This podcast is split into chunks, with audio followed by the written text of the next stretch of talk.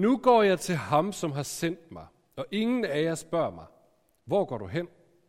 Men fordi jeg har talt sådan til jer, er jeres hjerter fyldt af sorg. Men jeg siger jer sandheden. Det er det bedste for jer, at jeg går bort. For går jeg ikke bort, vil talsmanden ikke komme til jer. Men når jeg går herfra, vil jeg sende ham til jer. Og når han kommer, skal han overbevise verden om synd og om retfærdighed og om dom. Om synd, at de ikke tror på mig. Om retfærdighed, at jeg går til faderen, og I ser mig ikke længere. Om dom, at denne verdens fyrste er dømt. Jeg har endnu meget at sige jer, men det kan I ikke bære nu. Men når han kommer, sandhedens ånd, skal han vejlede jer i hele sandheden. For han skal ikke tale af sig selv, men alt, hvad han hører, skal han tale, og hvad der kommer, skal han forkynde for jer.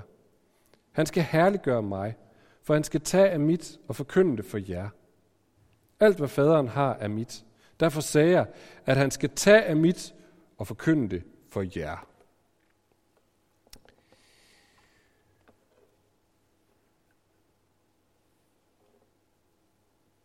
Da jeg var studerende i Aarhus for øh, ikke så længe siden, øh, var jeg på et tidspunkt en del af sådan et kursusforløb i øh, en kirke udbød for sådan nogle teologistuderende. Jeg ved, teologistuderende det er sådan nogle, der sidder med meget lange fingre og bøger i mange år. Øh, og så på et eller andet tidspunkt, så skal de så ud i den virkelige virkelighed. Øh, og der var en kirke, der tænkte, vi bliver nødt til at forsøge at skabe en bro over det her gab fra den der virkelighed så over til, til den her virkelighed. Så de lavede et kursusforløb, og øh, det foregik i en, af, en kirke, og så skulle vi deltage blandt andet i deres sådan faste bønder. De havde sådan nogle bønder i kirken hver dag kl. 9 og kl. 12. Og øh, i den her kirke, så foregik det i et meget lille rum, som var deres bederum, som en eller anden rigtig kreativ sådan bøndskæmpe havde dekoreret øh, med to og en halv meter store kors og øh, flængede forhæng og øh, røgelsespinde og på et tidspunkt stod der en to og en halv meter høj Kristusfigur i det her lille bitte rum, som man sådan stod rundt om ham næsten. Det var meget, meget, meget spændende. Øh, og så stod vi der, læste et ord fra Bibelen, og sådan lige tænkte lidt over, hvad det mindede os om, og så blev vi bedt om at lægge hænderne på hinanden og bede for hinanden. Og det gør man ikke der, hvor jeg kommer fra. Det er ikke, det er ikke normalt. Øh, der holder vi os sådan pænt på afstand. Så det var virkelig et skridt, og så den skulle lægge hænderne på folk og bede for dem. Øh, men vi oplevede, eller jeg oplevede, så begyndte nogen at græde. Nogen begyndte nærmest at ryste. Nogen øh, fik bibelvers eller tanker eller billeder, som de sagde, at måske bliver jeg mindet om det her til dig. Og nogen stod bare helt roligt. Og så midt i det kan jeg huske, at jeg tænkte, det her det er mærkeligt. Det er også lidt ukomfortabelt. Men der er noget, der minder om det nye testamente. Det er som om, at Gud er nær. Det er som om, han viser sig. I den tekst, som vi lige læste her, så forbereder Jesus som sagt sine disciple på, øh, hvordan det kommer til at blive, når han om ikke ret lang tid ikke er der længere, sådan fysisk. Og de skal fortsætte det her med Guds rige uden ham. Og en af de ting, han siger, det er, at han kommer ikke til at efterlade dem alene, fordi han kommer til at sende sin ånd. Her snakker de om advokaten og øh, sandhedens ånd. Sender han til dem, så han vil være nærværende, men på en ny måde, som helligånden. Så han forbereder dem på, at det med at være efterfølger af mig nu, det er et liv i helligåndens kraft, eller et liv sammen med helligånden. Så hvordan ser det ud, hvis det er vores virkelighed? Nu sidder vi her, små 2.000 år senere, og så det er så vores virkelighed. Et liv i Helligåndens kraft, eller et liv i Helligåndens virkelighed. Hvordan ser det ud? Når øh, vi har medlemskurser i kirken, og præ- jeg sådan skal præsentere kirkens teologi, så siger jeg blandt andet, når man vi øh, er en karismatisk kirke, hvad betyder det? Hvad er det? Det er noget med Helligånden i hvert fald. Så det kunne jeg godt tænke mig, at vi skulle snakke en lille smule om i dag. Ikke fyldestgørende, men alligevel en lille smule. Øh, og jeg kunne tænke mig at bruge en anden illustration fra mit studieliv. Jeg ved ikke, om det er, fordi jeg vil blive gammel, at jeg sådan tænker tilbage på de gode gamle dage. I hvert fald var det lige den, der dukkede op. Det var fra en anden time, jeg havde øh, i Nytestamente, hvor øh, en af vores undervisere, som nogle af jer har stødt på før, Morten Hørning, han var ved at prøve at beskrive noget omkring de her disciple. Han sagde, at vi har dem, vi har dem lige efter Jesu død og opstandelse og himmelfart. Der er det sådan en flok lille bitte øh, eller bismå, bange mennesker, der holder sig helst inden døre og øh, øh, ved en hel masse, de har oplevet en hel masse, men sidder der alene og gemmer sig lidt. Og så, så møder vi dem ganske få dage senere, og så er de sådan fuldstændig eksplosiv i gang med at udbrede den her øh, Jesus-fællesskab til flere tusind mennesker på gader og stræder, og helbreder mennesker, og ryger ind og ud af fængsler, og diskuterer med magthaver. Hvad skete der derimellem? Hvad var der i boksen? Så tegner han sådan en boks. Hvad, hvad var der i boksen? Og som ung teologistuderende, som var på vej ud i den her virkelighed, der var jeg ret optaget af det spørgsmål. Hvad så er der i den boks? Og det er jeg sådan set stadigvæk. Hvad er der i den boks, som gør en flok små, nervøse, forskræmte, tvivlende på alt mennesker til sådan en eksplosiv gang dynamit i verden? Hvad er der i boksen? Og jeg tror, det har noget med helgen at gøre. Det virker som om, det er det, Jesus han lover dem. Så vidt vi ved, så modtog disciplene ikke rigtig helligånden før på pinsedag efter Jesu død og opstandelse. Og der sad de igen inden døre og ventede og tænkte, hvad skal der ske? Og man har igen den her fornemmelse af, de ved alt. Altså, de har hørt alle Jesus taler. Johansen siger, at der er mange flere end dem, der står her i. Han gjorde mange flere ting. De har set og hørt det hele. De har set ham helbrede mennesker og oprejse mennesker fra de døde. De har set ham endda dø og opstå, og alligevel så sidder de herinde. Og så er det som om, så sidder de der og venter på helligåndens. så pludselig, så øh, kommer der flammer på deres hoveder. Og lige i parentes bemærket, det er virkelig noget af en karismatisk radikal oplevelse. Så man sidder der og kommer flammer på hovederne. Men det gør der, og så farer de ud af døren. Og så er det som om, at alt det, de ved, det de har set, det på en eller anden måde rammer dem på en måde som om, Nå, nu fatter jeg det. Nu kan jeg bevæge mig ud på det. Nu kan jeg leve på det. Nu, nu, nu tør jeg gå på, at det er virkeligt. Et andet eksempel, to kapitler senere i Apostlenes Gerninger, så har de så været ude, og de har helbredt folk, og de har prædiket for folk, og så et par stykker af dem er råd i fængsel, og er råd op for de store herrer, som har sagt, det der I snakker om, det skal I ikke snakke om længere. Hvis I nogensinde taler om Jesus igen, så smadrer vi jer. Og så meget forståeligt, kan man sige, så løber de tilbage til deres venner og siger, nu er vi godt nok lige lidt skræmt igen. Øh, det gik godt, men det der, det, den er alligevel lidt stram. Og så står der, at de alle sammen faldt på knæ og bad til Gud, og, og bare sagde det, som det var. Sagde, nu er vi faktisk lidt rystet, og vi ved, du er stærk og god, men vi er lige lidt for skræmt. Hvad sker der så? Der kommer ikke flere flammer på hovedet. Til gengæld så ryster hele huset, hvor de sidder. Og de farer op af stolen og løber ud på gaderne igen. Og som om frygten er væk, eller i hvert fald så er der noget andet, der er stærkere, og så går de i gang med at snakke og, og bede for folk igen. Hvad var der i boksen? Ja, der, var, der var et eller andet, helligånden gjorde ved dem. Som om der var noget, de vidste godt. Som om der skulle et eller andet til, for det røg dernede, hvor de sagde, det tør jeg faktisk godt gå på. Det tør jeg faktisk godt leve mit liv på. Flytte det fra, fra hovedtanker til noget, jeg kan handle på. Øhm.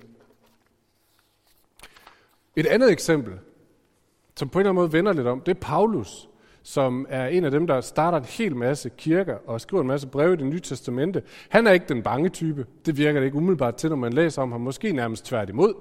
Øh, og så har han sandsynligvis har han været en af de skarpeste hoveder i sin tid. Øh, har ligget helt i front i klassen øh, i bibelskolen.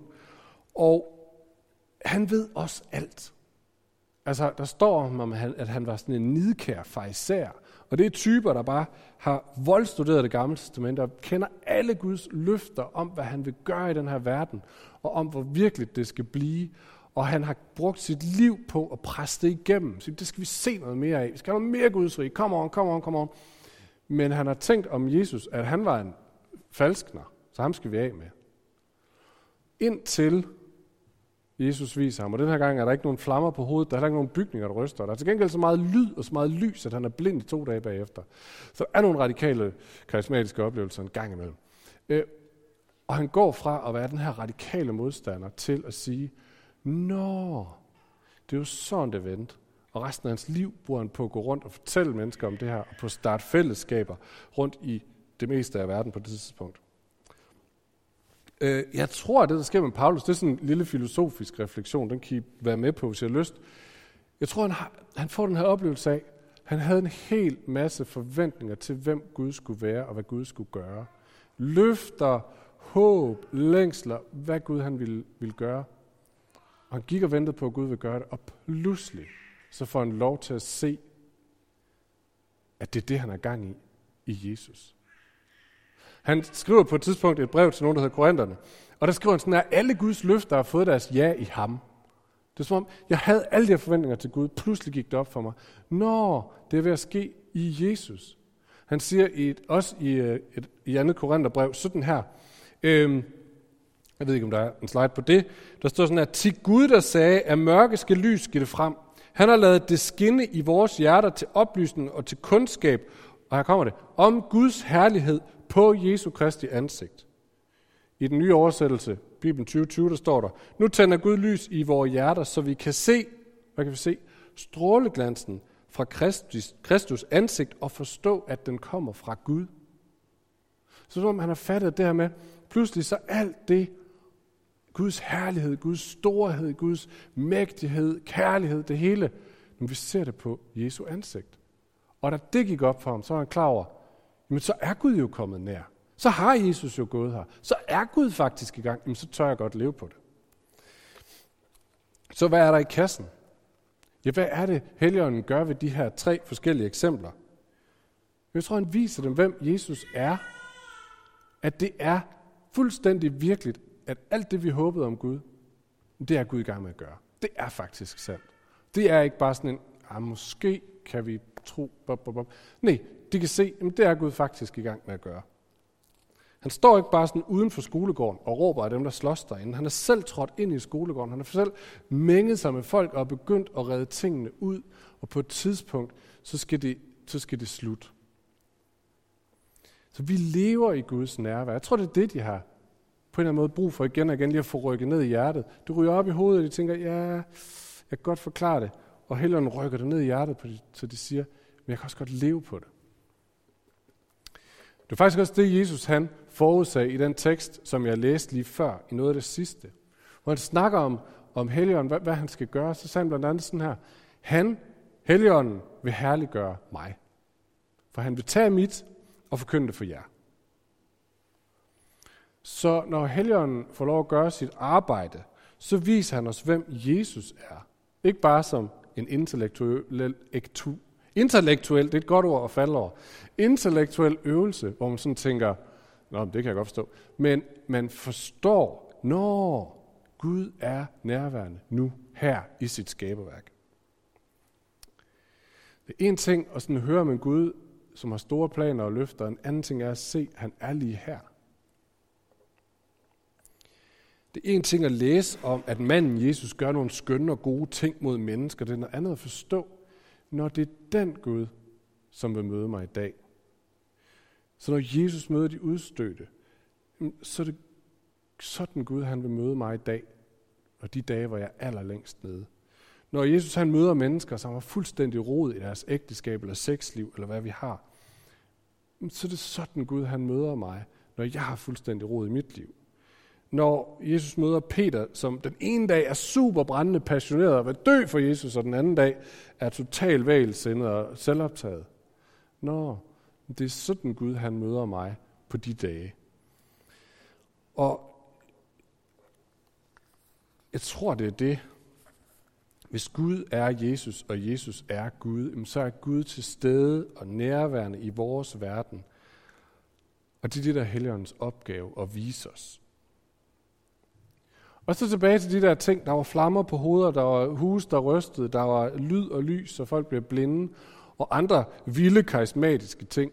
Hvad skal vi lige, hvor skal vi lige placere det? Er det i kategorien skøre mennesker, eller hvor skal vi lige lægge det hen? Jeg tænker selv, det er en del af den samme pakke. Samtidig så får vi lov til at mærke, at Gud er lige her.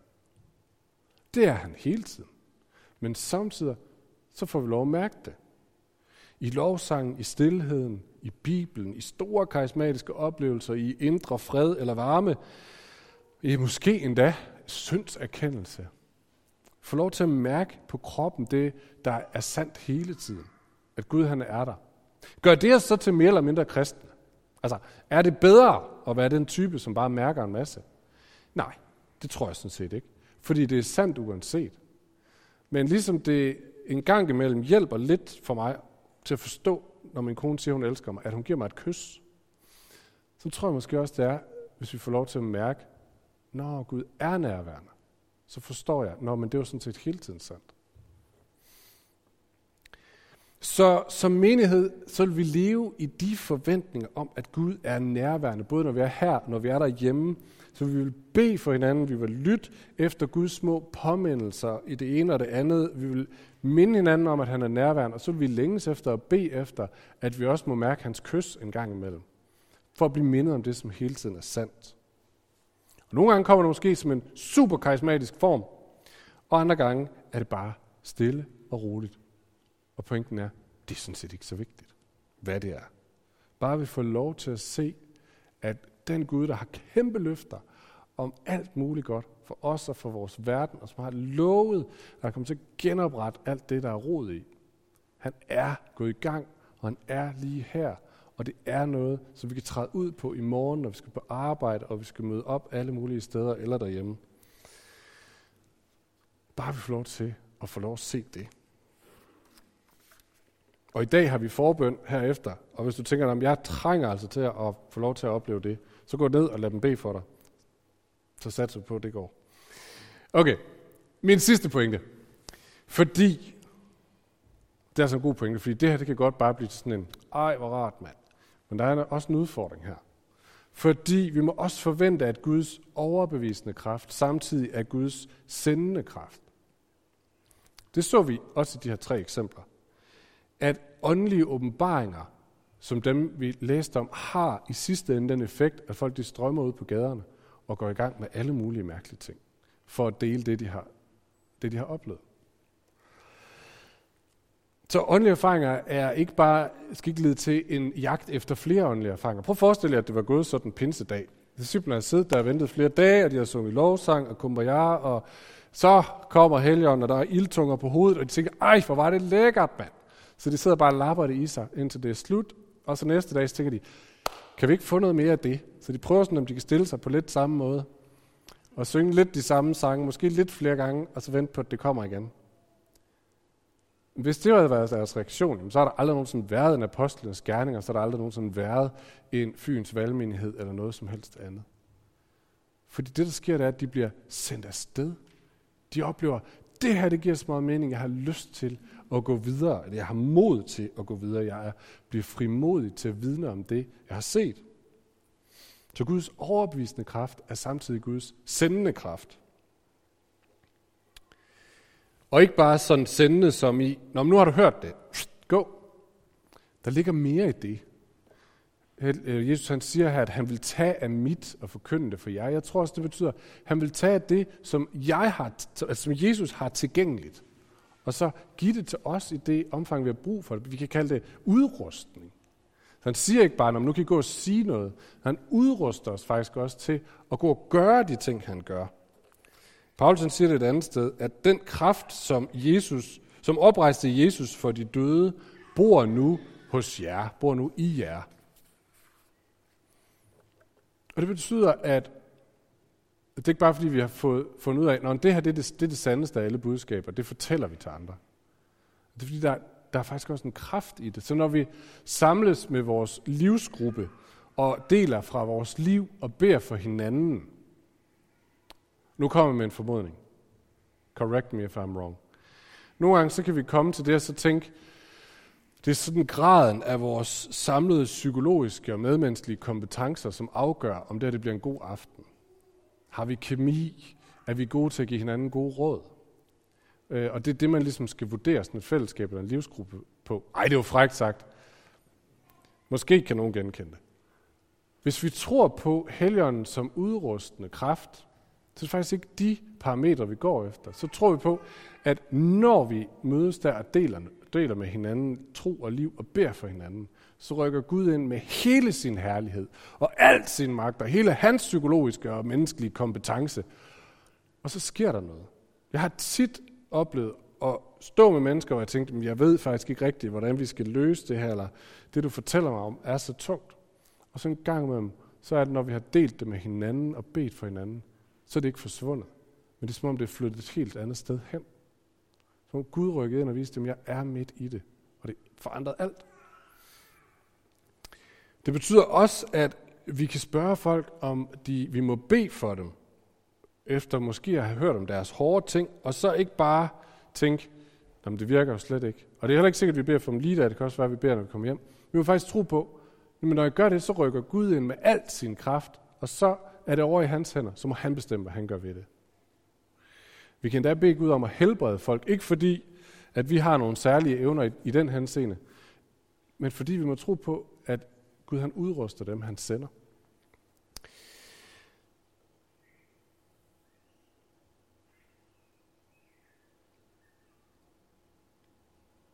Og det betyder også helt til sidst, at selv det at tro på ham, og gå fra at sige, at jeg kender godt historien om Jesus, til at sige, det kan jeg faktisk godt leve mit liv på, jeg kan faktisk godt tage et skridt på det, jeg kan faktisk godt prioritere ud fra det. Det er ikke en intellektuel indstilling. Det er en bøn, der siger, kom Helligånd, og flyt det der, som jeg har hørt og måske ved, til noget, som jeg faktisk tør at leve på. Så det synes jeg, vi skal slutte med. Og bede den bøn. Og jeg vil invitere jer til at rejse op, faktisk. Og som disciplene vent, at Gud han rykker ind og flytter det, de ved eller ikke ved, det de frygter eller ikke frygter, og flytter det, så det bliver noget, de faktisk tør at leve på. Gud, du har sendt din helligånd for at overbevise os om sandheden. Og sandheden er, at du er nærværende. At du har grebet ind i dit skaberværk, at du griber ind i vores liv. Sandheden også, at vi ikke i os selv nødvendigvis er værdige til at tage imod det. Men du gør os værdige. Sandheden er, at vi måske ikke rigtig formår at sådan mande os op til alt det store, der ligger i det. Men i din kraft og i dine løfter, så viser du os, at du er tæt på os selv i vores vankelmodighed og skrøbelighed. Tak, Helion, at du bor i os. Tak, at du sender os. Tak, at du lægger ting til rette for os og træder ind i. Mennesker, som vi skal elske. Gode ting, som vi skal få lov at gøre så Helligånd sender os derhen, hvor der er brug for os. Og vis os, hvad det er, vi kan vidne om. Der er mange ting, vi ikke kan sige så meget om. Eller forklare. Eller vi knap har tro for. Men vis os, hvad det er, vi har fået lov at se. Og hvem vi skal dele det med. Og Helligånd, udrust os til at gå i din kraft, så vores tjeneste ikke bare afhænger af vores overskud og vores evner, men af din evige ubegrænsede kraft. Og at frugten, når vi tager et skridt frimodigt, ikke er af, hvor godt vi tog det, men af, at din kraft flyttede ind og forvandlede. Jesus, det er vores bøn. Kom Helligånd. Skab den tro i os. Vis os, hvem Jesus er.